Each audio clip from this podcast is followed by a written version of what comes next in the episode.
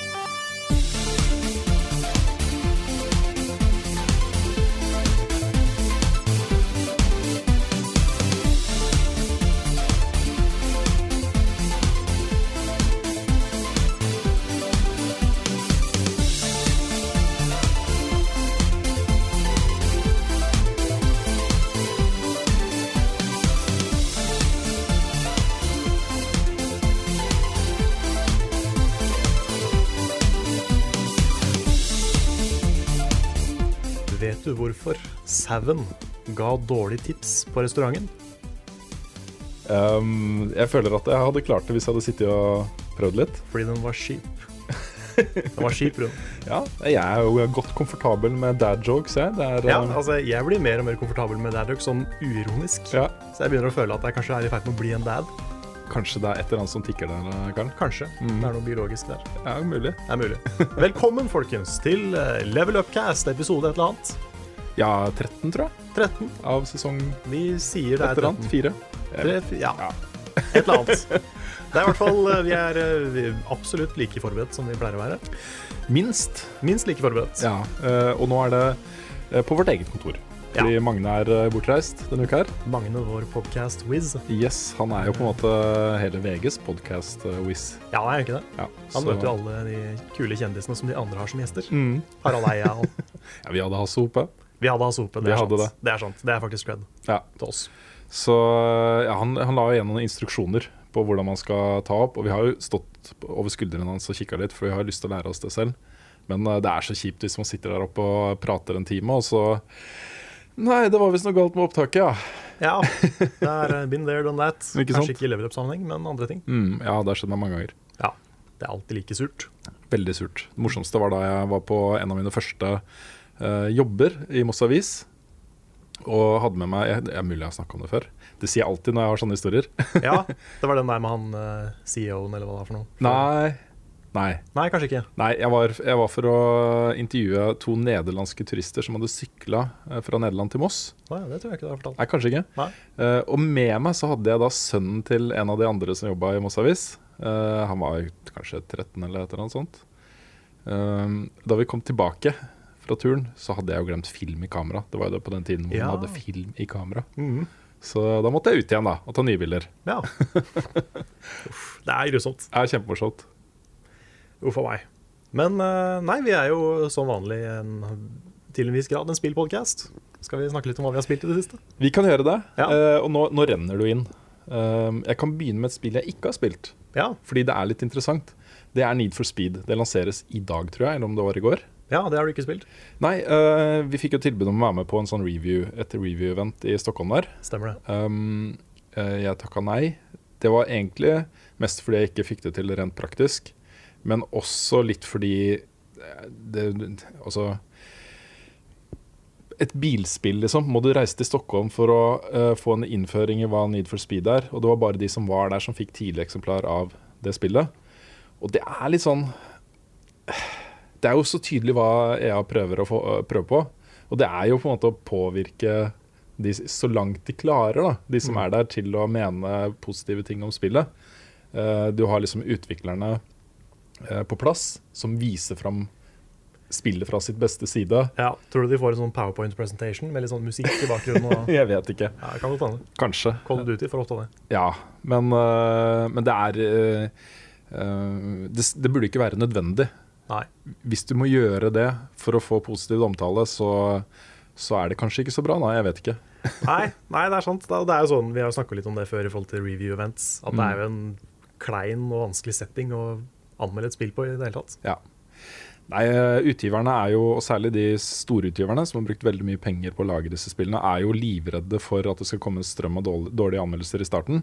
Eh, for det påvirker jo salget. Det er mange mange millioner kroner eh, i tapte inntekter det er snakk om. Mm. Eh, så, så jeg forstår det jo. Jeg forstår det jo. Eh, I tillegg så er det jo også eh, kanskje noen anmeldere som ikke eh, setter seg grundig nok inn i spillene. Jeg skal ikke utelukke det. Det er ikke sånn at hele vår stand er feilfri. Um, og dette er jo da på en måte en måte å sørge for at i hvert fall alle får med seg de viktigste tingene om spillet før de skal anmelde det. Mm. at ikke det bare setter seg ned og spiller en runde og bare er, Grand Turisme er mye bedre. Det er drittspill. Det er hæ? to. Biler? Biler. Er det, skal, er, er det ikke skyting? ja. Liksom? så, så jeg vet ikke. Jeg kan se litt begge sider av de sakene, men men for min, egen, for min egen del, da, så um, Ja. Reviews hvor du får sette deg ned med spillet i ro og mak og ta opp alt du vil, osv., syns jeg er greit. Ja. Selv om du kanskje har noen bak skulderen din som kommer og pirker litt på deg av og til og lurer på om du har det bra og om det står bra til med ungene dine og, Ja. og sånn. Der, eh, trenger du noen druer? Ja, druer f.eks. Mm. Uh, så lenge man får sitte i ro og mak og spille spillet uten å på en måte bli, bli presentert det, Ja. så er det innafor, syns jeg, da, for min egen del. Mm. Men uh, dette Ja, det var litt vanskelig å si ja til, da. Så det har jeg ikke spilt. Nei. Uh, jeg har lyst til å spille, men det får da bli når det først uh, kommer. Og vi har ikke fått det. Nei, nei det har er ikke det. Så da må vi stikke ut og kjøpe det i butikk, sånn som eh, vanlige folk gjør. Ja, ikke sant. Det er jo for så vidt greit, det også. Ja, vi gjør jo ofte det. Men jeg spiller jo noe annet som uh, jeg trodde Jeg hadde ikke helt fått med meg at den utgivelsesdatoen var allerede neste uke. Nei, Så da det bare dukka opp Rune, her er din anmelderkode av Tomb Raider. Rise of the Tomb Raider. Så ble jeg jo veldig glad. Ja, det er ganske, ganske stas, for det hadde jeg også glemt, at det kom nå. ja, jeg trodde det var et par-tre par, par, par uker til, så, så det var hyggelig. Så det har jeg sittet og spilt. Der er det en, en ja, det man vel kanskje kan kalle en friend-DA. Okay. For jeg har ikke signert på noe, men det er en NDA her uh, som man på en måte aksepterer når man får spillet. Og det er at jeg ikke lov til å anmelde det før uh, jeg tror det er mandag morgen er klokka ni.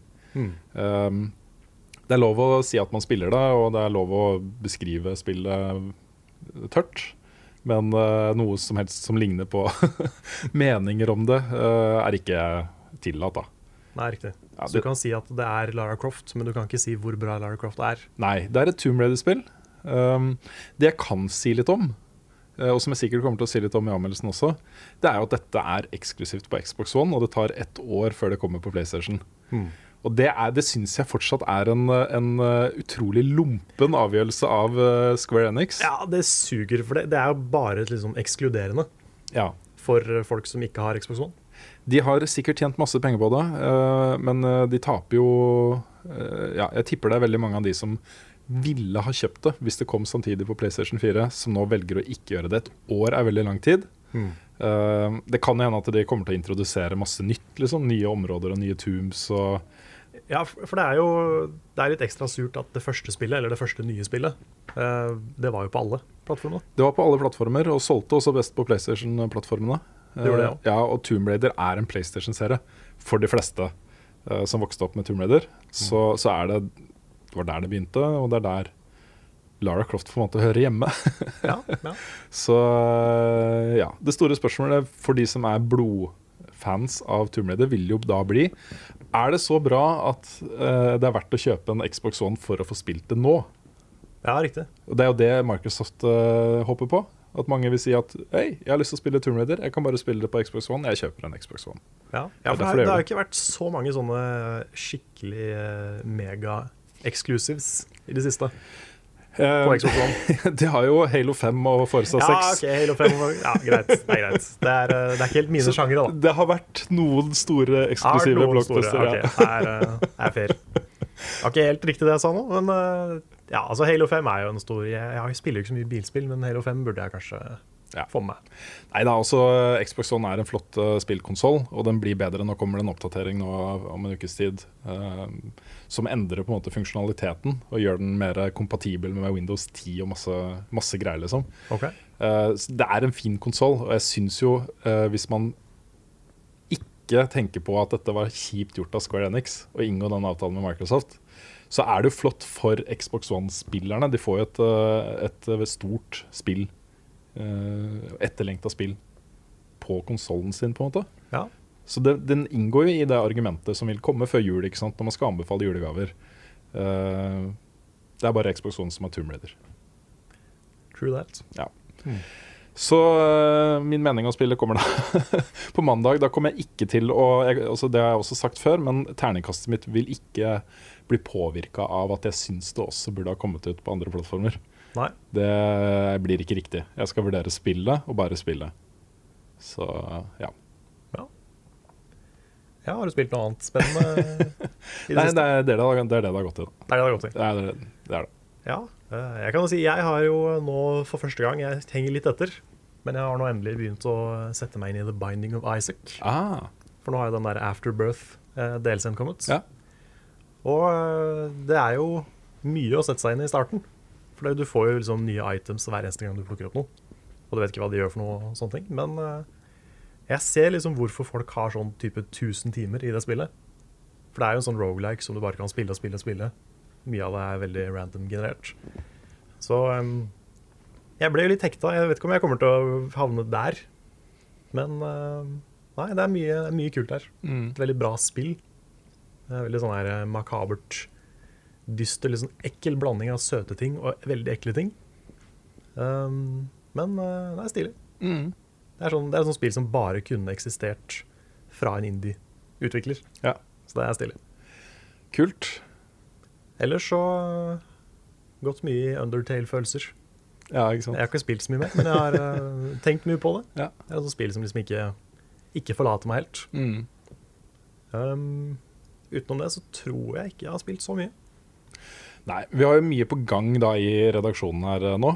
Eh, Lars anmeldte jo Black Ops 3. Den anmeldelsen la vi ut i dag. Det er deilig å være ute på embargo og på lansering Ja, av et stort spill eh, for en gangs skyld. Uh, han var jo litt stressa i forkant. Ja, Lars har jo ikke anmeldt spill før, Nei. så han var jo veldig stressa på å gjøre dette riktig. Men Lars har jo ment noe om spill i mange år. Ja, ja, Spesielt Call of Duty. Spesielt Call of Duty. Han har masse kunnskap om uh, både spill generelt og Call of Duty spesielt. Altså, han var en veldig naturlig mann å gå til tak med akkurat dette her. Mm. Uh, han har spilt multiplayer beta masse. Uh, han har liksom testet, han har runda story-moden, liksom. Singleplayer campaign. Så han har gjort alle de tingene. Jeg jeg syns anmeldelsen ble veldig fin. Ja, det syns jeg òg. Ja, altså, jeg, jeg tror det som Lars syntes var skummelt, det var å anmelde for VG. For han har jo testa og anmeldt ting på kanalen sin før, og han har jo han har gjort disse tinga før. Så var det vi også prøvde å, å si til ham, da. Men han var jo veldig nervøs. Han er litt nervøs av seg. Jeg syns det er litt bedårende. Altså, jeg kjenner meg veldig igjen. Jeg var jo livredd for alt når jeg begynte i elevløpet, jeg òg. Mm. Men uh, jeg syns Lars klarer seg veldig bra. Ja, han gjorde det.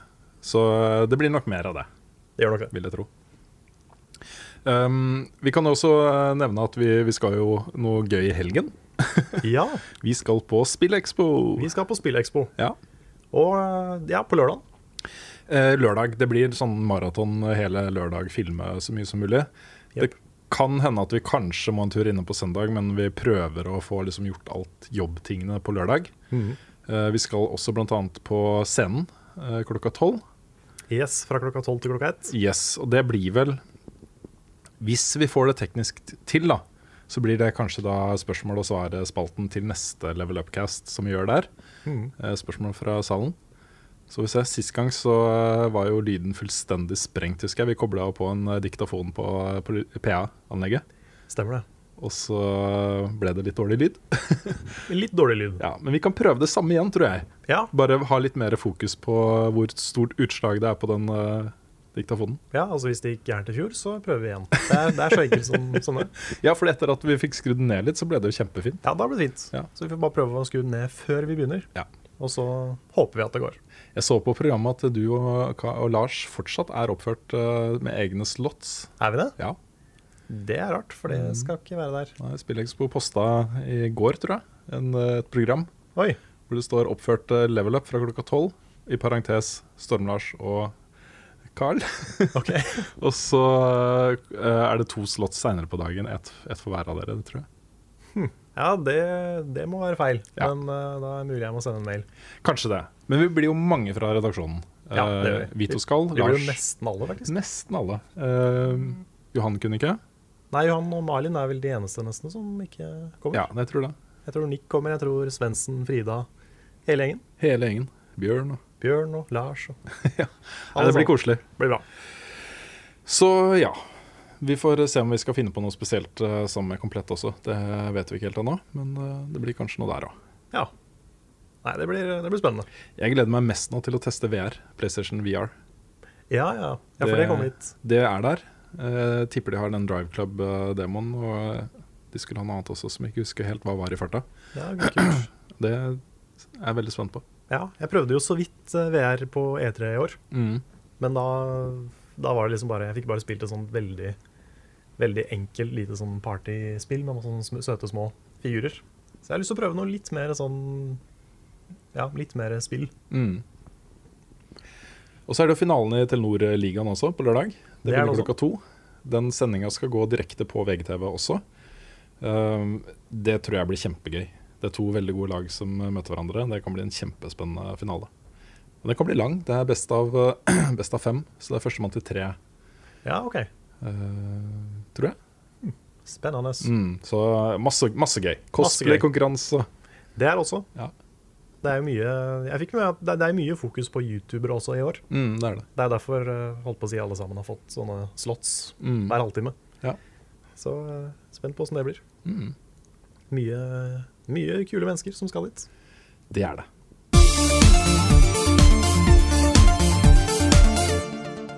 Vi skal snakke om nyheter. Ja, du begynte med å spise sjokolade. Ja. Ja. Um, men du hadde noe du hadde lyst til å nevne først. ja. Mm. På mandag Nei, ikke på mandag, på fredag.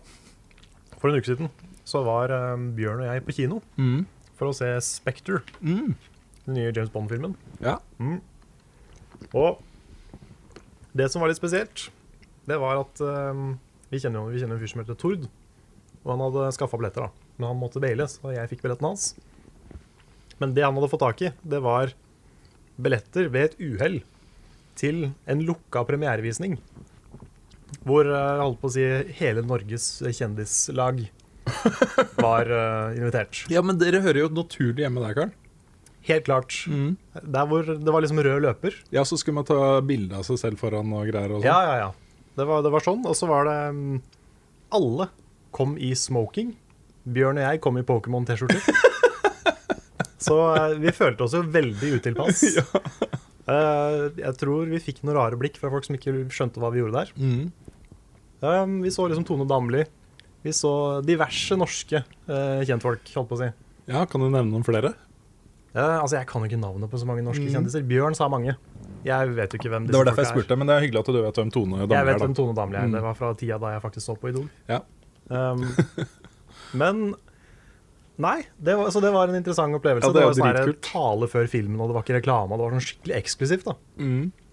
um, Så vi lista oss egentlig bare inn og spiste popkorn og så på film og håpa at ingen skulle liksom stille oss noen spørsmål.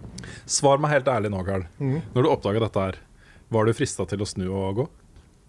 Jeg tror Bjørn var det. Okay. Jeg var ikke det. Nei, Jeg, jeg bryr meg ikke så mye om sånne ting. Nei. Men Bjørn var veldig sånn ukomfortabel. Mm. Jeg, sånn, jeg syns det er litt kult. Da, jeg, da føler jeg liksom for første gang i livet mitt så kan jeg være litt rebelsk. Det er liksom å ikke være pent kledd når alle andre er pent kledd. Var det noen som uh, pirka Bjørn på skuldrene og lurte på om han var broren til Atle, Ant- Atle Antonsen? Nei, det var det heller ikke. Det var heller ikke det? Nei, det. Hmm.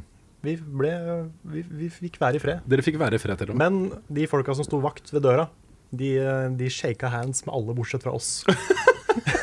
så, så det var jo det var en viss stemning av liksom hvem er disse her, hva gjør de her?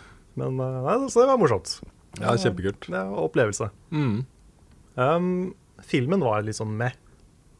Den var OK. Ja. Helt midt på treet, som en James Bond-film. Tidrøyte. Ja. Mm. Det er jo jeg, jeg skulle ønske den var litt kulere. For det her er jo en, en ganske sånn law-heavy, for å kalle det det, James Bond-film. Den heter jo Spectre, Ja, ja. Og det har jo, uh, Spectre har jo en rik historie i James Bond-universet. Det har den. Så um, ja, jeg, jeg hadde håpa det skulle være litt mer liksom, eksplosivt og kult. da At Spectre var tilbake. Mm. Men jeg ble litt uh, undervelda. Nettopp. Jeg har hørt flere andre si det, men det er andre igjen som syns den er dritkul. Så Ja, den er jo kul. Jeg skal ikke si at den er eh, dårlig, men den er eh, bare som passe. det er rart med det, liksom, eh, når det gjelder James Bond. Folk har så høye forventninger til de filmene. Mm. Jeg vet ikke. Ja. Det er kanskje mye fordi eh, sånn på 70- og 80-tallet så leverte de en type actionunderholdning som ikke, ikke fant så mange steder. Veldig påkosta scener, dyre spesialeffekter, veldig sånn ekstravagant. Mm. Um, og det, jeg tror det er på en måte det som har skapt de der forventningene. Det som er der Hver gang det kommer en ny Bond-film, så forventer du å bli liksom litt blåst av banen. Ja, det er, det er litt sånn som med Star Wars, at liksom prequel-filmene var ikke så bra. Men folk gleder seg fortsatt ekstremt til neste Star Wars. ikke sant? Ja, ja. Så um, ja, det er bare noe at det har en legacy, og det har, et, Mm. uh, har en tyngde ved navnet sitt, på en måte. Hvem er din favoritt eh, James Bond, Carl? Jeg tror faktisk uh, Nå er det lenge siden jeg har sett de gamle filmene. Men, eh, eller gamle filmene. Jeg tror, jeg tror det er Pierce Brosnan. Ja. For det var liksom da jeg var, da jeg var liten. Så var det Mm. Pierce Brosnan som var James Bond. Ja, Golden Eye og Golden Eye er jo er kanskje min favoritt-Bond-film. ja. Men uh, Litt også pga. spillet. Så fikk jeg liksom en sånn ekstra Mm. uh, eierskapsforhold til Golden Eye. ja, man gjorde jo det automatisk. Ja. Jeg tror min favoritt er nok eh, Sean Connery, altså. Ja. Men uh, de filmene har ikke holdt seg så godt, syns jeg. Nei, det er mange av de som ikke har det. Ja. Det er, jo litt, det er det som har vært litt problemet til den, den serien nå, at James Bond går jo mer og mer ut på dato Mm. som figur. Ja. Og liksom som konsept. Mm. Det er jo eh, Han er jo skikkelig fæl i de gamle filmene, egentlig. Ja, en av mine favorittscener der er uh, Altså, jeg kommer jo fra sånn kvinnesakshjem. Moren min har vært veldig aktiv i kvinnefront og sånne ting. Mm. Men jeg, jeg syns jo det er litt morsomt når ting er veldig overdrevent uh, mannssjåvinistisk. Ja, for det, det er jo ikke til å skyve under en stol at de fleste James Bond-filmene er jo veldig det. Ja, og det, jeg syns det blir litt komisk, da. Uh, og en av mine favorittscener der Jeg husker ikke hvilken film det er, men det er en scene hvor uh, James Bond sitter og snakker med en eller annen, eh, en annen mann. Og så kommer hun han ligger med for tiden, forbi. Og så klapser han henne på rumpa, og så sier han 'Move along, toots. Man talk'. Oi! Det er såpass, ja. Ja. ja det, nå er det veldig lenge siden jeg har sett de filmene. Ja, ikke sant? Ja, det er en veldig fin scene. Wow. Ja, det er, eh, det er litt mer obvious enn de andre, kanskje. Kanskje det.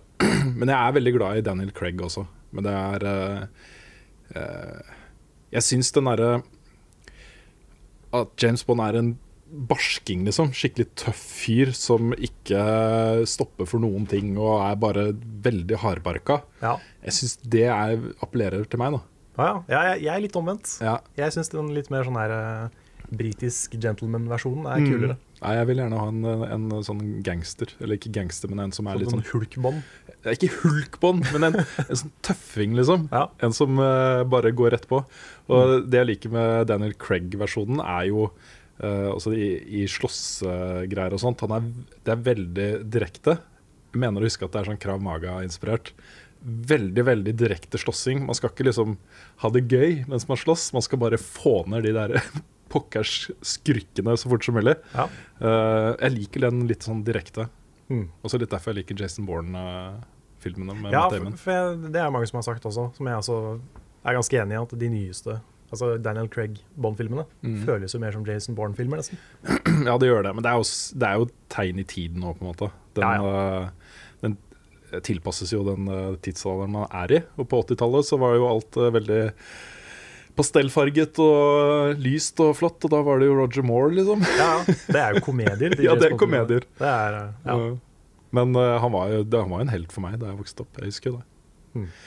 Yes, dette er nyhetsspalten, eh, Karl. ja, eh, det var det det var. Ja. Skal vi snakke litt om nyheter, kanskje? Ja, vi, vi har jo snakka litt om det, fordi ofte så blir det jo sånn at uh, mange av de nyhetssakene vi snakker om i podkasten, har vi enten allerede snakka om i uh, Level Up-magasinet på VGTV på tirsdag, eller så kommer vi til å gjøre det tirsdagen etter. Ja. Så vi skal snakke om litt færre nyhetssaker, men vi kommer da til å ta opp ting som uh, kanskje det er verdt å bare ta en ekstra prat om.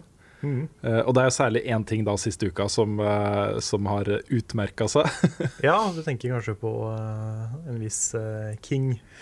ja, King.com, det svenske mobilselskapet, er kjøpt opp av Activision Blizzard. Er de svenske? De er svenske. Ah, ja.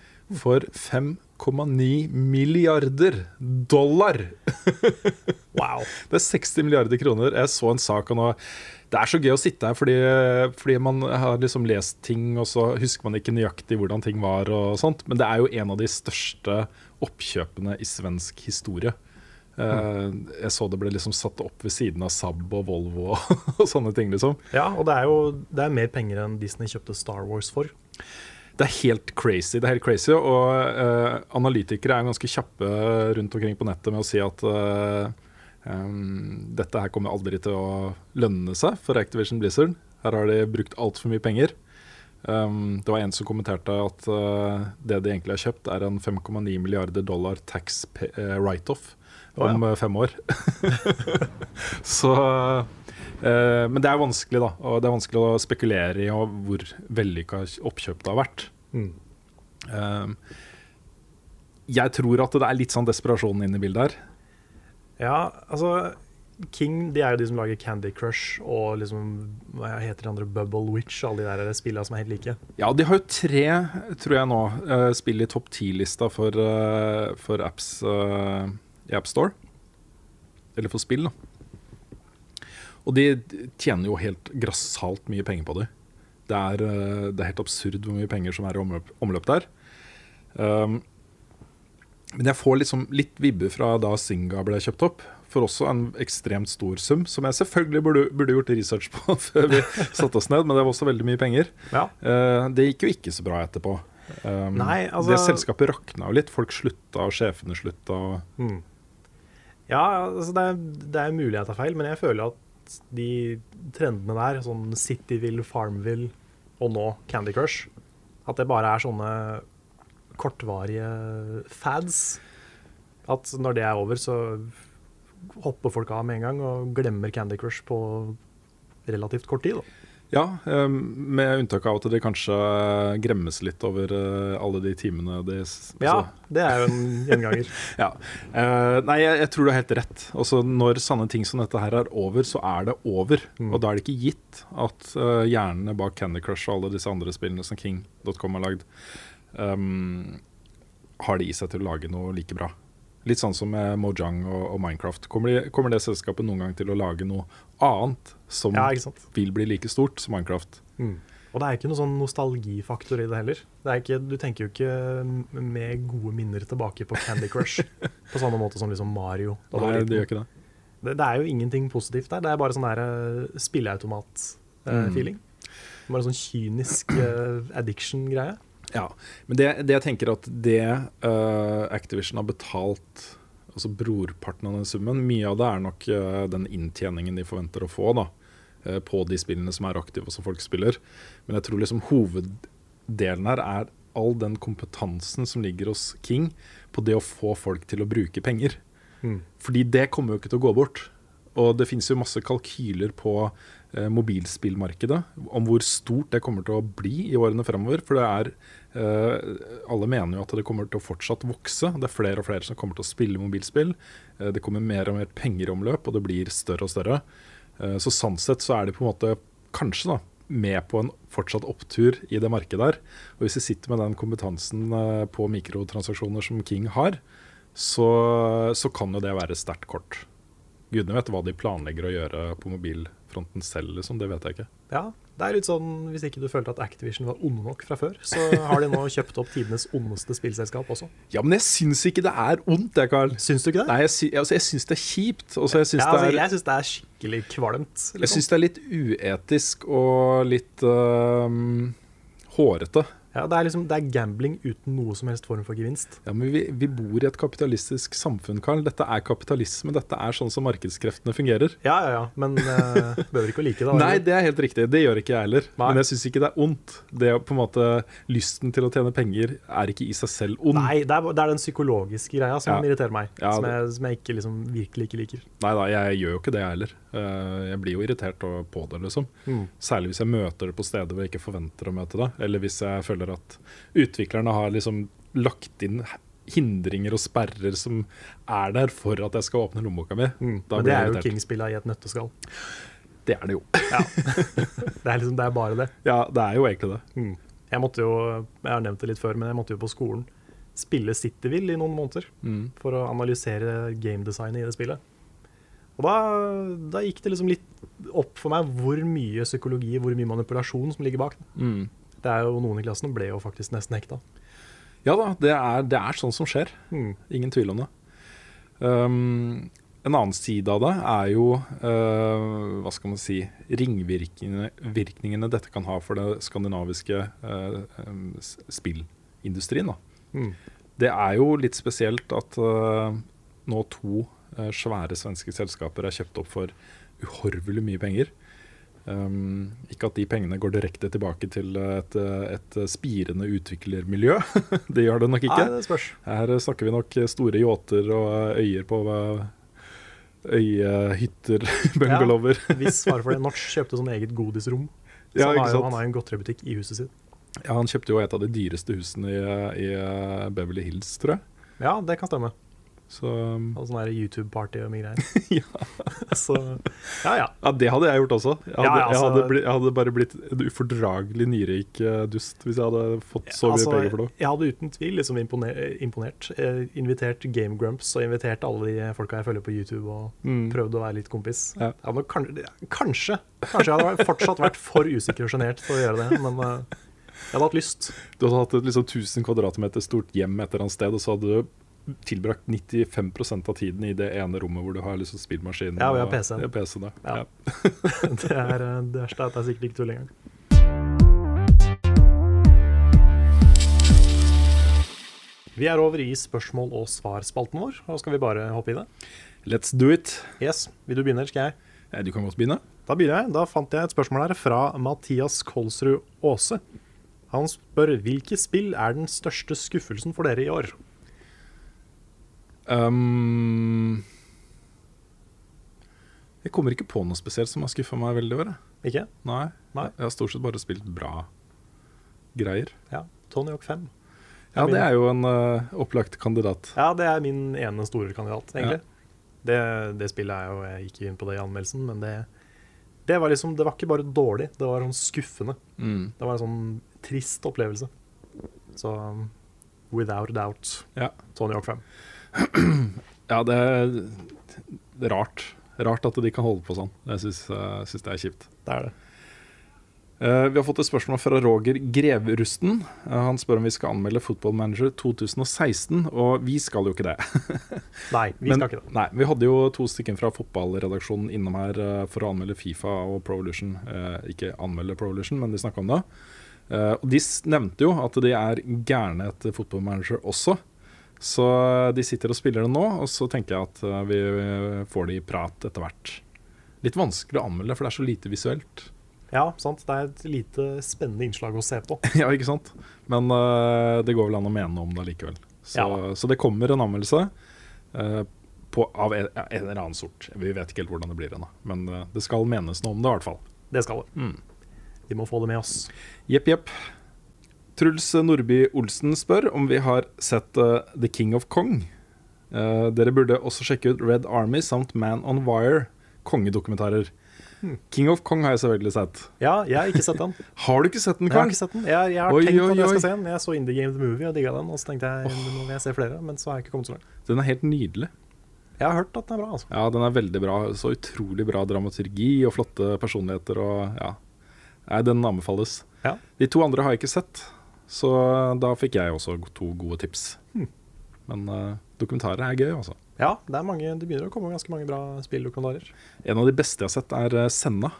Altså, Ok. Senna. Ikke Senna. Senna, men Senna. Senna. Ja. Uh, Ayrton Senna var jo en av tidenes eh, aller beste eh, Formel 1-kjørere. Han uh, døde eh, på ytterst eh, tragisk og spek spektakulært vis under et eh, løp. Eh, det er, dette er en dokumentar om, eh, om han og hans karriere, men også hans uh, rivalisering med en annen uh, stor Formel 1-kjører på den tida. Mm. Bare en veldig, veldig, veldig bra dokumentar, altså. Den uh, anbefales. ja, kult. Jeg prøver å komme på noen kule dokumentarer jeg har sett. Jeg har sett noen, men det er ikke så mange av de som har vært sånn dritbra. Nei. Men nevnte jo Indie Game The Movie, den syns jeg er veldig bra. Mm. Ja, den er også kjempefin. Mm.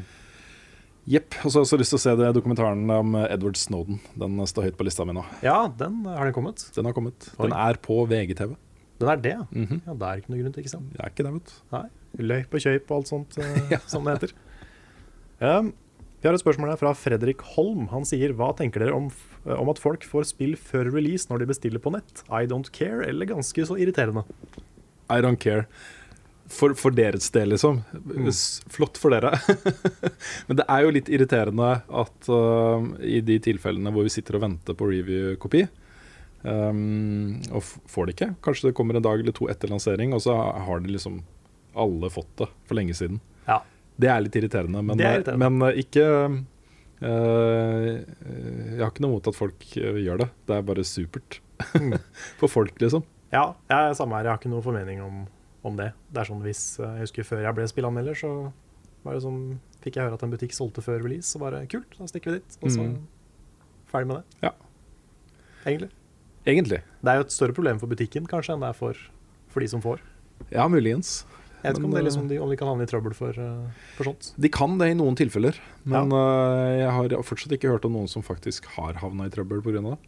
Men det har jo vært øh, trusler om øh, store bøter, særlig på de store store tingene. Call of Duty og øh, GTA og sånt. Så øh, øh, trues jo butikkene med bøter i millionklassen hvis de selger det før en viss, et visst klokkeslett en viss dato.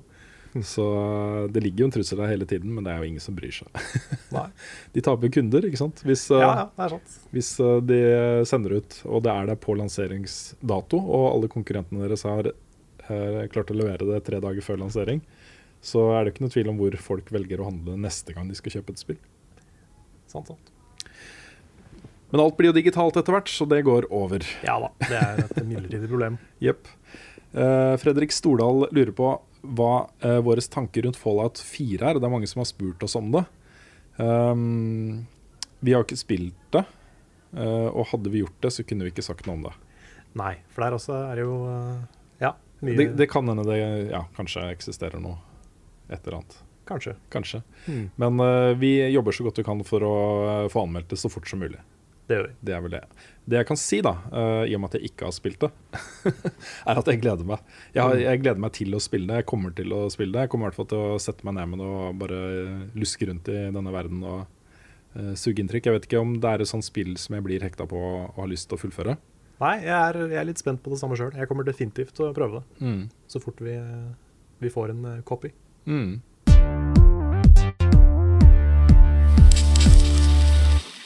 David Vikesland spør hva er favorittmiddagen deres? Favorittmiddagen? Jepp. Hmm. Jeg tror eh, akkurat nå så er det hjemmelaga lasagne. Mm. I betydningen knorr. så ikke helt hjemmelaga, men jeg har stekt kjøttdeigen sjøl, og så har jeg Ja, lagt på ting. Ja. Men uh, ja, jeg er, så, jeg er ikke så avansert på hjemmelaga. Nei, men hjemmelagd lasagne er veldig godt, da. Det er det. Mm.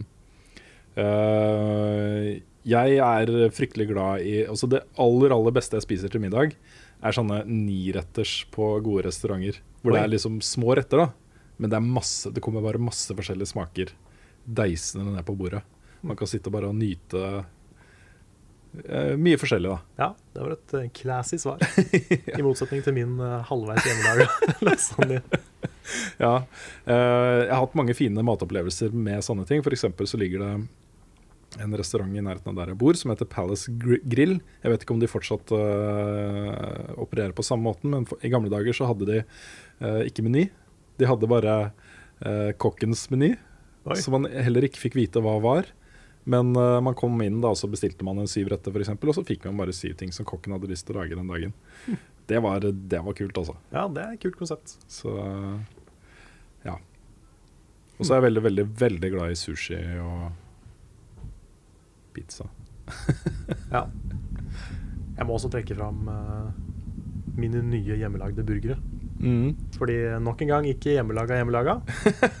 Men eh, jeg har funnet ut at liksom Hvis du tar eh, burgeren, eh, salat, agurk og mozzarella sticks og løkringer på en burger Det er digg.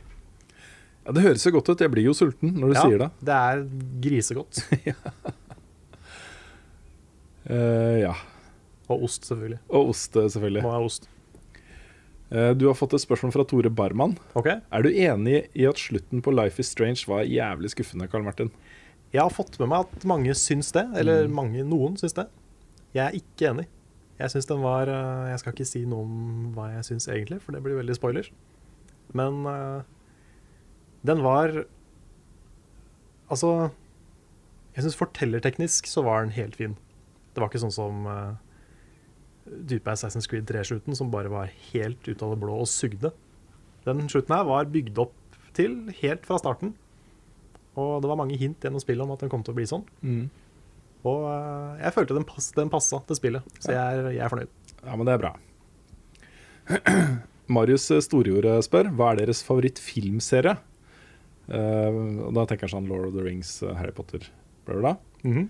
Uh, hvis dere hadde mulighet til å leve i et film- eller spillunivers, hvilket, hvilket univers hadde dere valgt? Det siste er nok litt vanskelig å svare på. Det er litt vanskelig å svare første er også for så vidt ganske vanskelig å svare på. på. Ja.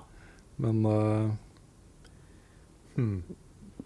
Favorittfilmserie? ja. Ja. Nei, si det. Det er jo eh, enkelt å si liksom Lord of the Rings. Den er jo fantastisk. Mm. Eh, kanskje det er det, jeg vet ikke helt. Men eh, jeg har lyst til å trekke fram en serie som eh, Som eh, Som er veldig bra, men som ikke er på en måte direkte knytta til hverandre. Det er en koreansk regissør som heter uh, Park, tror jeg. Park, jeg husker ikke helt Okay. som har lagd en Vengeance-trilogi. Uh, uh, Oldboy er med der. Sympathy for Lady Vengeance og en til. Okay. Jeg har sett alle tre flere ganger, og de er kanonbra. Og de utforsker liksom temaet hevn. da. Folk okay. som har blitt utsatt for, utsatt for stor urett, og som tar hevn. Det er innmari bra filmer, særlig Oldboy. Den originale, klassiske eh, koreanske versjonen, ikke den eh, amerikanske, som jeg ikke har sett. Men eh, det, er, det er bra filmer, altså. Det er kjempebra filmer. Ja, jeg driver og tenker på Jeg er litt frista til liksom altså, det, er ikke så mange, det er jo ikke så mange filmserier, føler jeg, som er store og populære til å begynne med. Du har liksom Harry Potter, du har Ringenes herre, du har de der som alle kjenner til. Jeg tror kanskje akkurat nå så er jeg egentlig mest gira på nye Marvel-filmer. Ja, Um, det er en slags filmserie. det er en filmserie, føler jeg. Ja. Og kanskje det også er svaret på jeg ville, hvor jeg ville bodd. Jeg ville, Mhm. en, jeg ville hatt superhelter i Marvel-universet. Hatt eh, superkrefter, mener jeg. Ja, eh, ja. Ja. Du ville hatt superhelter i Jeg ville hatt superhelter og superkrefter. Jeg ville hatt superheltvenner og masse super, superkrefter. Eh, Jeg kom jo på en annen serie. Okay. Indiana Jones. Ja, Den er jeg veldig glad i. Også. Indiana Jones er kult. Eh, Jeg vet ikke helt hvor jeg ville bodd. Nei. Det er ikke så godt å si. Nei, du ville ikke bodd i Middle Earth eller eh, Jeg har det internett der, da. Nei, det er jo ikke det. Det har ikke det. De er sikkert noe alvenett. De, de, er Alvenett, sånn, de er sånn kuler som du kan se inn i. Ja. Så kan du spionere på folk og sånn. Mm. Jeg er jo litt frista til å si kanskje The Matrix, selv om det hadde blitt en lang diskusjon. Ja. Ville du bodd i The Matrix, altså? Jeg vet ikke, bare det å kunne bryte de reglene og være liksom en av de som Ja. gjør kule ting der. Du hadde ikke vært uh, veldig bevisst på at kroppen din egentlig bare lå og fløyt i en tube. Det, jeg vet ikke. Nei. Jeg tror det, det hadde plaga meg litt. Ja, jeg er også veldig glad i den filmserien. Ja, alle tre filmene, egentlig, selv om eneren er uh, den som uh, treffer meg hardest i hjertet. Ja. Jeg er en av de som likte eneren, men syns de andre er litt sånn Mm. ikke helt. Har du noen spørsmål jeg skal ta et til? Ja, jeg har et, men jeg sliter med å finne et svar på det. Men kanskje du har det? Eh, Tobias Oftedal Stokkeland spør Er det et spill eller en spillserie som burde passe dere som hånd i hanske, men dere har aldri helt klart å elske? Ja, det er jo et, uh, et godt uh, spørsmål. Ja. Uh, jeg er jo veldig glad i skytespill, og jeg er veldig glad i skytespill multiplayer. Uh, jeg syns det er litt rart at jeg liksom aldri har kommet skikkelig inn i Call of Duty multiplayer. ja. Det syns jeg er litt pussig. For det burde passe meg hånd i hanske, egentlig. Um, jeg, tror, jeg tror toget gikk fra meg på et eh, tidspunkt hvor, uh, hvor uh, jeg kom litt for seint inn i multiplayer og fikk så mye juling at jeg ga opp i den runden. Og så kom du til neste runde med Call of Duty. Ja, Så var allerede alle dritbra, for de hadde jo spilt Call of Duty et år. ikke sant? Så eh, jeg tror det gikk litt eh, fra meg, det toget. Ja. øh, første jeg kommer på, men det er vel egentlig bare fordi jeg ikke har spilt det nok, det er Fess. Jeg begynte å spille Fess, og så tenkte jeg liksom ja, det er jo koselig og pent og morsomt og sånn. Men jeg klarte liksom ikke å bli engasjert nok til å fortsette. Mm. Så det kan hende bare var jeg som var veldig lat og kjip den dagen. Men eh, jeg har fortsatt ikke klart å sette meg ned og liksom spille gjennom Fess. Jeg har heller ikke spilt gjennom Fest, men jeg har spilt det ganske mye. Ja. ja nei, det er det er første jeg kommer på. Mm. Nå er jeg glad du ikke sa Half-Life eller noe sånt, Karl. Ja, nei, Da hadde jeg sannsynligvis ikke jobba her lenger. etter- Nei, jeg tror ikke det. Etter i dag. Tore Barman spør hva slags serier følger dere med på nå, og har dere sett Mr. Robot? Jeg har ikke sett Mr. Robots. Ikke jeg heller ennå. men eh, Lars anbefaler den veldig. Ja, den, den står på min liste, egentlig. Mhm. Jeg har ikke så mye tid til å se TV-serier eh, lenger. Jeg har jo en annen hobby som jeg bruker mye tid på. Ehm, og den har skjøvet på en del andre interesser. Film og TV-serier ser ikke så mye som jeg gjorde før. Nei, Før jeg fikk den andre hobbyen. den andre Den andre hobbyen. unevnte hobbyen. Ja. Ja. Uh, men jeg ser på noe sammen med kona, og det er jo da ting vi kan være enige om å se. Ja. Uh, vi så liksom gjennom Sense 8. Uh, syns den var eh, til tider eh, Den var i hvert fall interessant. Jeg syns det var morsomt å se den. Var ikke, Mm. det var ikke, jeg er fortsatt ikke helt sikker på om jeg elsker den serien, eller om jeg bare syns den er interessant. Ja, Er det den der med Wakowskis? Ja, stemmer. Ja, Matrix. Ja. Ja. Eh, men den så vi gjennom, og så så vi um, uh, oh, Hva het den serien igjen, da? Ak ja, det vi ser nå, akkurat nå, er Homeland og Broen. De to seriene følger vi med på nå hver uke. Ja. Eh, men vi så også Hva var det igjen? Det handler om en fyr som eh, eh, har sittet fengsla i jeg tror det er 15 år eller 18 år eller noe sånt for drapet på kjæresten sin. Og så kommer det nye DNA-beviser som viser at han var uskyldig. Okay. Det var ikke han allikevel. Kanskje. Så han blir sluppet fri. Ut i samfunnet igjen. Det, var en, det er en bra serie også. Den fins også i flere sesonger. Jeg har bare sett første sesong av den. Ok. Så Jeg skulle ha huska hva den het. Ja, nå får jeg ikke sjekka ut den. hvis, ikke du, kommer på det. Uh, Rectify, tror jeg den het. Å ja, okay. Um, tror jeg. Hmm. Ja. Kanskje. Ja, jeg ser sånn halvveis på en del. Men det er bare halvparten av de seriene jeg ser på nå, som er sånn som jeg ser på, ser på. Mm. Noen av de er litt sånn her jeg føler jeg bare må komme meg gjennom de. Eh, Jeg ga opp Once Upon a Time, for den syns jeg begynte bra. Men for hver sesong så bare datt det liksom lenger og lenger vekk fra, fra min uh, sfære. Um, og så begynte jeg å se på The Flash, uh, som jeg syns var helt OK. Jeg har bare ikke fått somla meg til å fortsette. Uh, og så har jo Supergirl begynt. Og den serien har jeg faktisk blitt litt glad i. Ja, men det er kommet- flere som sier det. Ja, det har mm. bare kommet to episoder. Men det er noe med liksom den serien er så blid, Ja.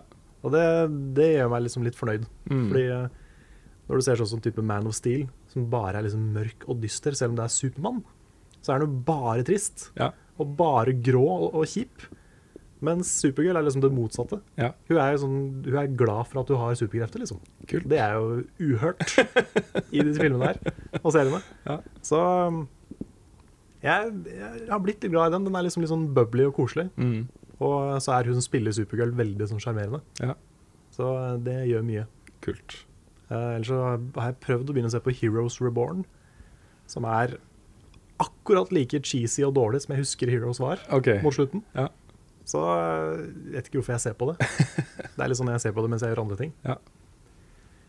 Um, men så ser jeg jo på noe som jeg virkelig ser på, det er jo Walking Dead og The Leftovers. Mm. Begge kommer jo i hvert fall til Norge som cirka samme dag. Og eh, de seriene syns jeg er veldig veldig bra nå. Spesielt The Leftovers. Mm. Den eh, treffer meg ganske hardt hver gang, egentlig. Det er flere som snakker om den om dagen også. Som Jeg, føler ikke det er så mange som gjør det. Nei, men den, den, det er i ferd med å skje litt sånn murring. Folk begynner å oppdage at den er ganske bra. Ja, men det er bra. Så den den Asbjørn, fortjener eh, så mye mer oppmerksomhet enn den får. Ja, Asbjørn Slettmark har eh, reklamert litt for den, eller ikke reklamert, men eh, han har vært litt sånn uh, forkjemper for den serien i, i det siste. Ja, OK. Det Han, er kult. Uh, han er jo seriespesialist. Ja, ja, nice. Um, Ellers er det jo selvfølgelig Game of Thrones når det går. Game of Thrones som venter på. Det Mm. er det største jeg ser på TV om dagen. Ja. Ellers er det ikke så mye. Um, Jeg fikk sett ferdig Daredevil da, første sesong. ja, ja, den har jeg også sett. Det var, eh, den likte jeg. Mm. Det kommer jo også Jessica Jones, som er en annen Marvel Litt mer sånn adult Marvel-serie. Mm. Som er i samme univers som Daredevil. Ja. Så det kan bli spennende. Kult. David Tennant er med. Og. Ja. Det er stas. Ja, bra fyr. Bra fyr.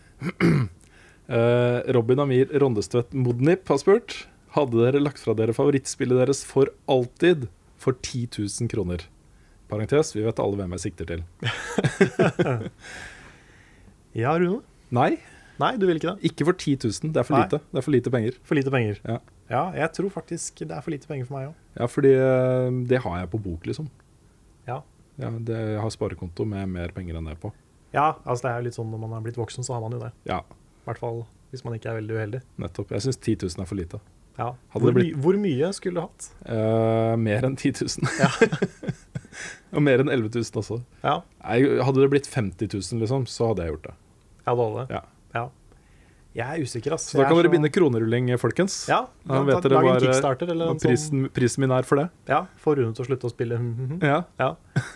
Um, nei, det er vanskelig å si, ass. Det er så Nå har jeg jo på en måte tre favorittspill, og jeg har ikke lyst til å legge fra meg noen av de. Nei. Så det er ikke sikkert det er en ting som hadde kunnet kjøpes, faktisk. Det er fordi det er så, sånn, det er så personlig, eh, de favorittspillene mine. Ja, også, eh, For å bli litt sånn personlig for min del også, da. Ja. Eh, bare tegne et bilde av hvordan livet mitt ser ut om dagen. Eh, det er jobb, og så er det familieliv. Og det er ganske eh, tøft å ha to små barn i hus. ja, det tror jeg på. Så min egentid har ganske høy verdi for meg. Og det å kunne sette meg ned og eh, spille sammen med folk jeg liker eh, i et spill jeg liker, har ganske stor betydning for meg. Det betyr ganske mye for meg. Det er en sånn fristed jeg har som er ganske ålreit. Mm. Uh, og så er det jo selvfølgelig deler med den opplevelsen som, som uh, blir litt sånn comfort food, uh, og ikke nødvendigvis bare veldig givende i seg selv. Men opplevelsen i seg selv har en ganske stor verdi for meg. Mm. Og det, jeg, har, jeg er superheldig for en kone som forstår det, og som lar meg holde på med de tingene. Eh, og det, det er kjempefint. Jeg hadde blitt litt gal jeg, hvis jeg ikke hadde hatt det ved siden av uh, jobb og familiefarplikter. far, plikter. Mm. Ja, nå har, eh, nå har jeg sannsynligvis litt mer fritid enn det du har. Det har du. Men, jeg, men jeg, kjenner meg, jeg kjenner meg litt igjen allikevel, sånn i forhold til det å, det å spille sammen med folk. Jeg har oppdaga det egentlig mest de siste åra. Mm. Jeg har alltid vært en sånn singleplayer forever alone-gamer. Men uh, det å liksom samle en gjeng og spille f.eks. Minecraft Multi-Hardcore-serien som kommer, og Final Fantasy 14, eh, Civilization, de tinga der, det er liksom Det er en sånn egen sånn eh, happy place-ting, Mm. hvor du bare kan slappe av og liksom prate med folk og ha det hyggelig. Ja, og så kommer man til et punkt hvor man mestrer det spillet, liksom. Hvor man føler seg ganske god og gjør liksom de største, mest vanskelige utfordringene i dette spillet og får det til. Og, Ja. uh, det er på en måte en ting der som man ikke skal undervurdere. Da. Mm. Uh, og det er jo nettopp også det at det gir meg såpass mye, som gjør at jeg har nedprioritert mye annen type underholdning. Mm. Jeg leser jo nesten ikke bøker lenger. Jeg ser nesten ikke TV-serier, ser nesten ikke filmer. Um, ja. Mm. Men det er jo ja, fordi de har en verdi for meg, rett og slett. Så slutt å disse meg. Slutt å out, oute meg på Twitter med hvor mange timer jeg har spilt og spill og sånne ting. det, det har ikke jeg gjort. Nei, men det er noen andre som har gjort. Ja, ja. Nei, det er sant. Det er uh, It's my time. Yes. I do whatever the hell I want with it. yes. Det er en klar tale fra Rune. Ja. Andreas Jåsund har da i, i tråd med dette stilt oss et spørsmål som, som jeg syns passer som en oppfølging. Okay. Kan dere bytte roller for tre til sju dager? Alt, alt Rune, skal Carl gjøre omvendt. til og med gå hjem til hverandre og spise middag. Hadde vært litt kult å spille hverandre sine spill osv. Jeg bytter gjerne med deg i tre til sju dager. Kanskje tre til sju måneder. Ja, du gjør det. ja. Ja, jeg vet ikke, si, jeg vet ikke hva jeg syns om å bo hos deg. Altså, er, du har en veldig veldig hyggelig familie, det er ikke det. Men jeg tror det hadde vært veldig kleint. De er gærne, de ungene mine. Ja, altså, jeg tror jeg hadde holdt ut det i noen dager. Ja, Tre til sju dager. Tre til sju dager. Tre Altså, til sju, ikke tre til sju, men Ja, tre til sju dager. ja. Ja, altså Det som er så morsomt, det er jo jeg innser jo at det er sånn barn er. Men når barna dine eh, Når jeg ser dem, så er det jo verdens morsomste, kuleste, søteste barn. Mm. Eh, Men jeg innser jo at de sikkert er litt annerledes når de er hjemme. ja da. Um, Men uh, ja, nei, jeg vet ikke om jeg hadde turt det, altså. Nei. Det er eh, Ja, det, det er mest fordi det hadde vært en sånn veldig klein opplevelse. Å bare plutselig skulle være pappaen til en familie og sånt i en uke. Og mannen til Katrine. Og mannen til Katrine, ikke minst. Også kjempehyggelig, men liksom Det har vært veldig, veldig pinlig. Det har vært veldig pinlig. Ja, Men uh, det kunne blitt en morsom video av det, Karl. det kunne det. Faktisk. Men det er ikke sikkert du hadde trengt å bruke tre til sju dager på det. Kanskje tre til sju timer. Tre til sju timer. Kunne du sittet og spilt Undertale og grine av det ja. mens jeg driver og lager middag. ja, for eksempel. Ja, Da blir det lasagne, altså. Ja, men det hadde ikke gjort noe, det. Nei. Det hender vi spiser brødskiver til middag, for å si det sånn. Mm, Den var jo veldig søt, den der eh, kommentaren til dattera di når du hadde vært hos meg og lurt på om, eh, om jeg kunne være pappa. Eh, Ja, hva er det du sa igjen? Eh, jeg husker ikke akkurat hvor Husker du ordrett hva hun sa? Var det ikke kanskje Carl kan være pappaen min? Ja, et eller annet sånt. Ja, det sånt. Det er sånn litt trist, men samtidig veldig koselig. Ja, ja. Men det, eh, det betyr ikke at jeg er en dårlig pappa, liksom. nei, nei. nei. I know, I know. Men uh, Men det, det betyr sånn, bare at hun liker deg godt. ja, men det er veldig koselig. Mm. Jeg husker jeg har sagt sånne ting da jeg var liten, jeg òg. Ja, ja. Sånn type hvis jeg møtte en eller annen kul person, så er sånn her Ja, kanskje, kanskje det også kan være en forelder, liksom. Kanskje søstera mi kan bo hos naboen, var jeg inne på en gang. Mm. Det er litt det motsatte, kanskje. Men, eh, men ja. Ja. Uh, Christ, Christian Ellingsen spør Overwatch beta i gang. Hva tenker dere om dette? Tror dere at det kan bli det nye store e-sportspillet, og har dere fått uh, prøvd det selv? Jeg har ikke prøvd Overwatch. Nei, heller ikke prøvd det. Eh, jeg vil ikke prøve det før det er ute. Eller i hvert fall før det er, eh, nærmer seg lansering og det er nesten ferdig. Mm. Eh, Den betaen som er nå, så forventes det at de som spiller det, skal komme med ganske grundige tilbakemeldinger om hva de syns og sånne ting. Og det snakka vi litt om sist også, men jeg, det vil jeg ikke. Nei. Men jeg tror absolutt at det har potensial. Den type spill er på en måte en Hvis det gjøres riktig, hvis det er gøy å spille, hvis eh, progresjonen er fin, hvis alle disse tingene klaffer, så er det et, eh, en naturlig forlengelse av eh, Moba slash FPS e-sport-tingen. Hvor man får bare en ny arena å kjempe på på nye måter. Jeg tror det kan bli veldig stort. Hvis det er bra. Mm. Men han spør også om det er Movember i Level Up-redaksjonen. Det er antydning til noe der, men eh, det har du vel for så vidt ellers også. Det har eh, vært det ellers også. Jeg tror ikke jeg klarer å ha bar bart. Jeg hadde følt meg litt sånn her altså, No offense de som kler bart. Det, det, er mange som, det er noen som gjør det. Mm. Kanskje en stretch å si at det er mange, men det er noen som kler å ha bar bart. Jeg tror ikke jeg hadde gjort det. Nei. Jeg, føler jeg, hadde, jeg hadde følt meg creepy med bar bart. Rett og slett. Eh, jeg også. Ja.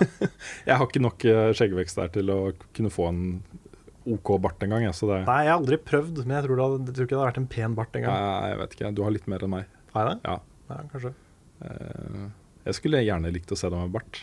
Jeg har prøvd helskjegg, men det, det ser bare rotete ut. Ok, Så det um, Det må friseres, vet du.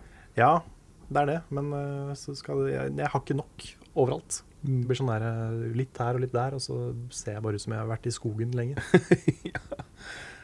Vi er, vi er nødt til å runde av snart. ja. uh, For jeg må klippe dette her før jeg skal gå uh, Det for dagen. Eh, vi kan ta et par spørsmål til. Ja. Jeg har, uh, jeg har et her fra Simen Meisdal, som er til meg. Han spør hva jeg fikk ut av året på Danvik. Gikk selv på forfatterstudiet der i 2010-2011.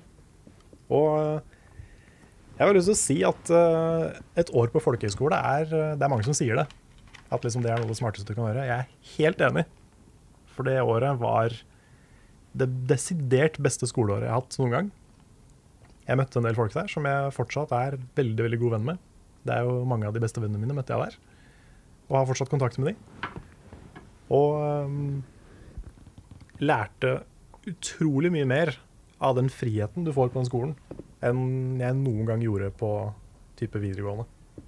Er, jeg er sikker på at jeg lærte mer om liksom Både om film, som jeg studerte, eh, også om liksom liv og verden og folk, enn jeg gjorde på tre år på videregående. Og kvinner.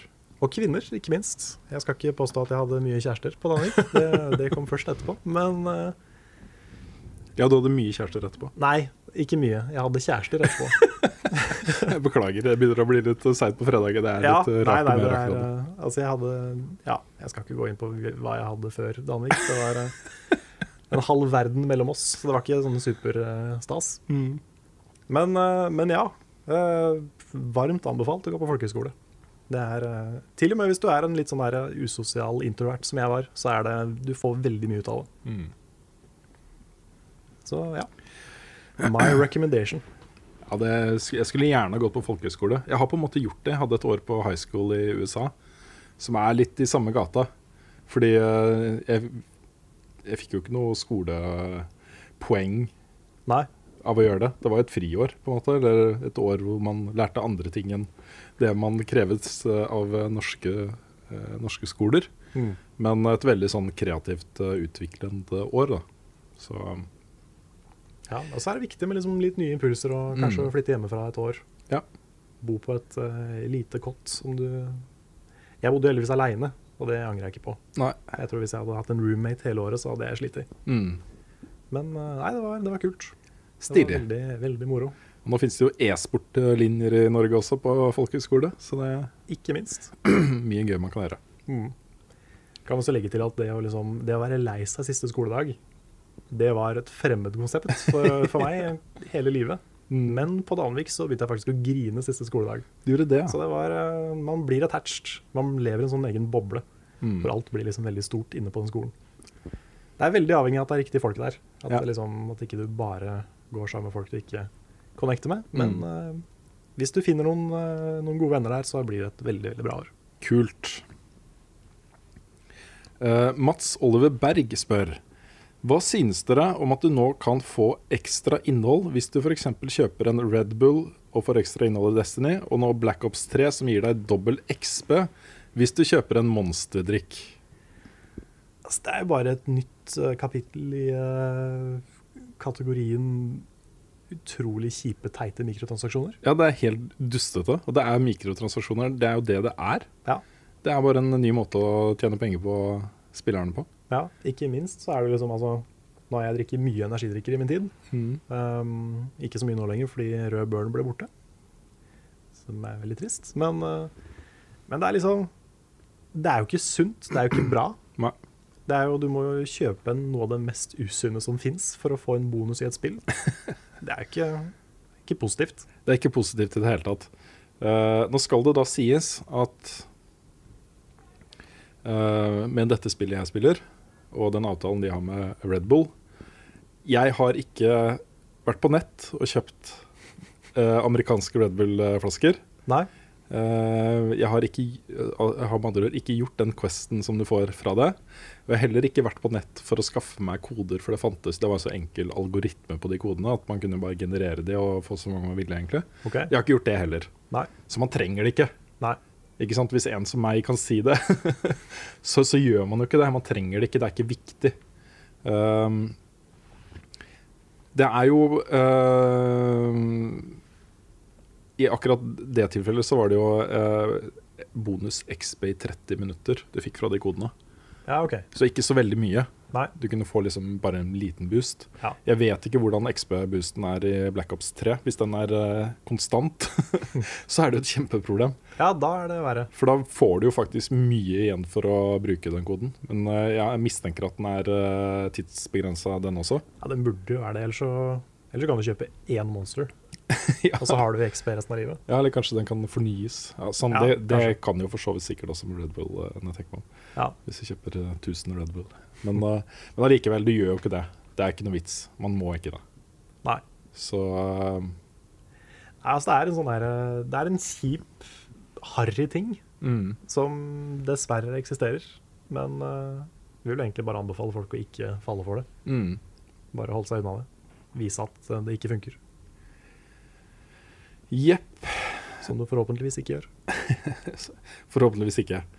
Vi ehm, eh, har fått et spørsmål fra Vegard Kolsvik Kvaran. Uh, han skriver at det er hovedsakelig til meg, men det er ikke riktig. Det er til oss begge to. Okay. Ja. Uh, han skriver at han gikk tilbake igjen og så første episode av Level Up her om dagen. Og dere har utviklet dere enormt på disse årene. Både lengde, programledere og innhold med mere er forskjellig. Kan du snakke litt om utviklingen dere har hatt? Er du fornøyd med den? Har det vært en planlagt utvikling? Og hvordan så dere for dere programmet i fremtiden da dere startet opp? Syns det er et godt spørsmål, jeg. Ja, det er et veldig bra spørsmål. Uh, og det er jo ting vi tenker mye på. Mm. Og Grunnen til at dette spørsmålet er til oss begge, er at uh, du kom inn etter et år. Ja, stemmer. Uh, så brorparten av den tida som Level Up har eksistert, så er det jo vi to som har uh, lagd det sammen, med innspill fra Lars og andre som er involvert i utviklingen. Mm. Men det er jo helt riktig. Det har skjedd mye med det programmet her siden starten. Og uh, i starten så var det vel mer et eksperiment. Den første sesongen var mer sånn Er folk interessert i å se et ukesmagasin om spill? Uh, og det var folk. Den, uh, det ble en kjempesuksess fra første episode. Mm. Uh, og så kom jeg inn for fulltid. Jeg var i pappaperm første sesongen, så jeg var bare innom av og til. Så da var jeg mer sånn behind the scenes. Ja, for da var det Endre og Carl Thomas som kjørte. Endre og Carl Thomas hadde var programleder for første sesong. Stemmer. Eh, og så uh, slutta Endre, så da ble det Carl Thomas og meg da jeg var tilbake på jobb igjen. og med da de erfaringene som vi hadde fra første sesong, så begynte jo egentlig den jobben. Hva skal Level Up være? så den, den, den, prosessen har jo pågått hele siden vi starta, egentlig. Men det var først når vi så at dette var noe vi kunne få mye visninger på. Ja, Var ikke den første Level Up-episoden type 19 minutter lang? Ja, 17 tror jeg det var. med. 17, ja. Ja. ja. Så var det mye sånn trailerdiskusjon. Ja, det var jeg, Altså, vi snakka mye om hva Level Up skulle være før det starta, men uh, vi hadde ikke noe klar formening om innholdet. Nei. Jeg hadde liksom hele tiden hatt lyst uh, Det jeg hadde lyst til å lage, er nærmere det Level Up er i dag, enn det Level Up var første sesong.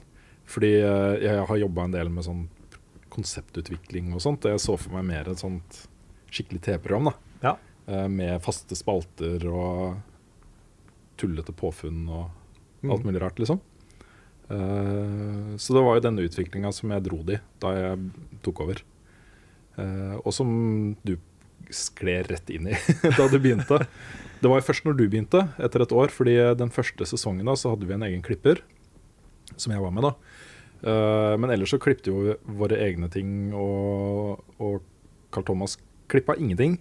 Nei, Så jeg klippa mye av hans ting også. Og så var det mye at vi prata i studio med bare bilder over. Så det var ikke så Vi lagde bare det vi hadde ressurser til, til å gjøre, da. Så da du kom inn med dine videoferdigheter og sånt, så ble jo programmet mye proffere enn med en gang. For du klippa jo programmet sammen også i starten. Ja, stemmer det. Det var, det var vel Det var ganske mange sesonger jeg klippet Level Up. To eller Det var mer, tror jeg. tror Kanskje det var tre? tre-fire. Ja, ok, såpass. Det var ganske lenge. Så, så det ble mye proffere. Men det var også da vi begynte å liksom skru det litt mer sammen. Og tenke faste spalter og tenke liksom dramaturgi og tenke humor og alle disse tingene som på en måte har blitt en del av programmet etter hvert. da. Mm. Um, jeg vil si at den utviklinga gikk ganske mye sånn framover. Særlig det første året gjorde vi mye produktutvikling, tror jeg. Ja, det Jeg kan se den. Og så satt det seg litt, det konseptet. Vi syntes det funka. Det var ikke så mye vi hadde lyst til å gjøre med det. Eh, Det handler mer om å få inn eh, flere folk og, og sånt. Men det vi, grunnen til at jeg syns det er litt interessant å snakke om nå, er at nå er vi inne i en ny sånn prosess. Ja, og det som også er litt interessant, uten å si for mye, det er jo at eh, mye av det vi har tenkt å, eller håper vi kan gjøre nå, det er ting vi snakka om første møte vi hadde Absolutt. Når jeg begynte. Ja, ja. Dette er eh, vi, vi har jo uh, synkende seertall. Det er jo ikke noe hemmelighet. Nei, det, Det er bare å se på seertallene på episodene. Det er det. Litt spesielt denne sesongen her, så har det gått litt ned. Det har eh, absolutt det. Og det er jo et eh, varsko for oss, men også en mulighet. Uh, og kanskje har vi vært litt seint ute med å gjøre de grepene som vi må ta nå. Men uh, vi snakker om alt mulig rart nå. Det er ingenting som er landa, ingenting som er spikra for neste sesong, eller for da 2016 og utover. Men eh, det er f.eks. ikke gitt at vi kommer til å beholde et timeslangt ukesmagasin lenger. Det er ikke sikkert, det. Nei. Det er jo egentlig på mange måter et mirakel at det har fungert på internett i så mange sesonger. Ja, det er for så vidt litt sant, det. Mm. Men uh, um, ja. Ja, jeg, kan, jeg kan nevne i forhold til det at vi har utvikla programmet og sånn, så er jo det jeg brakte med meg i starten, som var liksom min, eh, mitt sånt love child, det var jo klassikerspalten. Um, det er kanskje det første jeg foreslo, tror jeg, for uh, første gang vi møttes. Det kan godt tenkes. Og um, det er også min favorittspalte å lage. Det er, det er litt trist at ikke vi har eh, hatt tid til å lage det hver uke de siste sesongene, men uh, det er fortsatt i hvert fall min favorittspalte. Mm. Ja. Så har vi jo uh, uh, videreutvikla en del ting også for denne sesongen. Duellen, f.eks., som vi også har snakka om eh, veldig Ja. tidlig, at vi hadde lyst til å gjøre noe sånt. Det er sant. Den har vi snakka om lenge. Ja. Uh, endelig å få gjort det er kjempegøy. Så Nå har jeg bare lyst til å gjøre det igjen. Ja, ikke sant? Men ja, litt skeptisk til straffen, men jeg har lyst til å gjøre det igjen. Det skal være minst like kjipt neste gang. Og så skal vi jobbe litt mer med regler og sånt, tror jeg. Ja, det kan være lurt. Men ja. Eh, vi er jo en liten redaksjon. Det er på en måte oss to. Vi sitter ikke så mye sammen. Du sitter mye hjemme hos deg selv, og Mm. jeg sitter mye her på kontoret. Um, men vi er jo sammen om det, og det er på en måte Uavhengig av at dette handler om spill eller hva som helst, så syns jeg det å drive med programutvikling er kjempegøy. Mm. Veldig morsomt, veldig spennende. Det å på en måte ha en idé, og så gjennomføre den, og så se at det fungerer eller ikke fungerer. Og så tilpasse seg. Det syns Ja. jeg er kjempegøy. Det er sant. Og vi har jo uh, mye å velge mellom av ting som har fungert, og sikkert også ikke fungert i løpet Ja, av sesongene våre. Men det er litt sånn Det er det som er litt digg med å jobbe med VGTV òg. Mm. At det er sånn man prøver ting, og så funker det kanskje. Ja. Og det er sånn man utvikler level up, liksom. Det er det. Og så må jeg også nevne et par ting som jeg syns har vært ganske viktige. Eh, tre ting, egentlig. Det ene er at vi har eh, utrolig kule seere som har på en måte vært med på den dugnaden. For det er litt sånn, vi har ikke så mye penger og ressurser, og vi har ikke, vi har ikke så mange folk og sånne ting. Nei. Men har kom- det ramla inn folk som har lyst til å hjelpe oss med ting. F.eks. Cato og gutta som lagde introvignetten mens de gikk på, uh, på skole i Australia. Ja, stemmer. Den første lagde de mens de var der, som, et, uh, som sitt uh, hovedfagsprosjekt, eller hva det var. Eh, og så har også Cato lagd den nye. For utrolig lite penger. Ja. I forhold til hva vi får, så er det uh, latterlig billig. Mm. Men det er jo på en måte allerede uh, Altså med budsjettene vi har, så er det jo dyrt for oss. Men allikevel så kan vi gjøre det fordi det er uh, Ja. Så det å på- man får en sånn grafisk ramme til det, og musikken som vi hadde i en konkurranse, ikke sant. Vi kjøpte, en, vi kjøpte basically en teamlåt for 10 000 kroner. Mm. Og det også er veldig, veldig billig. Men eh, da fikk vi en dritbra låt fordi det var eh, Ole da som ser på programmet og eh, som hadde lyst til å bidra, liksom. Ja. Så det har vært viktig. Det, det seerne har bidratt med uh, opp igjennom, har vært kjempeviktig for oss. Mm. Vi har rett og slett hatt muligheten til å cashe inn som favors. Det, det høres, høres så voksent ut å si det, men uh, ja. Ja, men det føles litt som om vi lager det sammen på en måte med seerne. ja Det syns jeg er kult. Så Og så har vi, eh, Nå har vi ikke hatt så mye fra seerne-spalte denne sesongen, her, men det kommer. det kommer. Eh, vi kan jo nevne hvorfor. Skal vi gjøre det? Ja, vi kan det. Altså, det er jo ikke, det er ikke noe hemmelighet heller, Nei. egentlig. Vi eh, har jo delt ut T-skjorter Ja. i den spalten, og nå i den siste tiden så har vi ikke hatt T-skjorter. Nei. Og så har vi historisk sett ikke vært så flinke til å følge opp alle sammen. Nei, det er nok noen som ikke har fått T-skjortene sine. Det er det. Ja. Og vi får jo denne vi fortsatt får mailer om det. Ja. Og det er flaut, og det er kjipt. Så vi, vi har lyst til å vente til vi har et lager som vi vet at det er klart å sende ut med en gang. Mm. Så folk slipper å vente. Så folk slipper å lure på hvor T-skjorta er. Mm. Uh, Så det er grunnen til at vi har venta litt med den spalten. Den kommer tilbake så fort vi har T-skjorter. Det blir nok en sånn i hvert fall det vi Det er kanskje litt tidlig å si, men det vi håper vi får gjort nå, det er å lage en sånn eh, liten montasje eh, mot slutten av sesongen, hvor vi viser fram alt det kule som folk har sendt oss i løpet av sesongen. Mm. Så deler vi kanskje ut noen T-skjorter. Det er planen. Det er planen. Ja. Så uh, ha det i bakhodet, folkens. Ja, ikke slutt å sende oss ting, selv om vi ikke viser det med en gang. Ja. Um,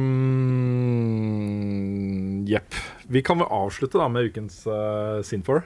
Ja, det kan vi gjøre. Har du musikken? Åh, da må jeg grave den fram. Ja, jeg, jeg gjør jeg det. gjøre det? Ja, jeg gjør det. Da gjør jeg det. OK.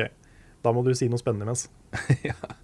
Eh, nei, vi har jo begynt med det. Han, Trond uh, Sinfor uh, Han heter jo ikke Sinfor, men det er det han kaller seg. Ja. Borgersen. eh, sender, oss, eh, sender oss spørsmål hver uke. Mm. Det er kjempehyggelig. En eh, knakende kjekk og flott fyr. Definitivt. Um, har du den? Jeg har den. Greit. OK, er du klar? Ja.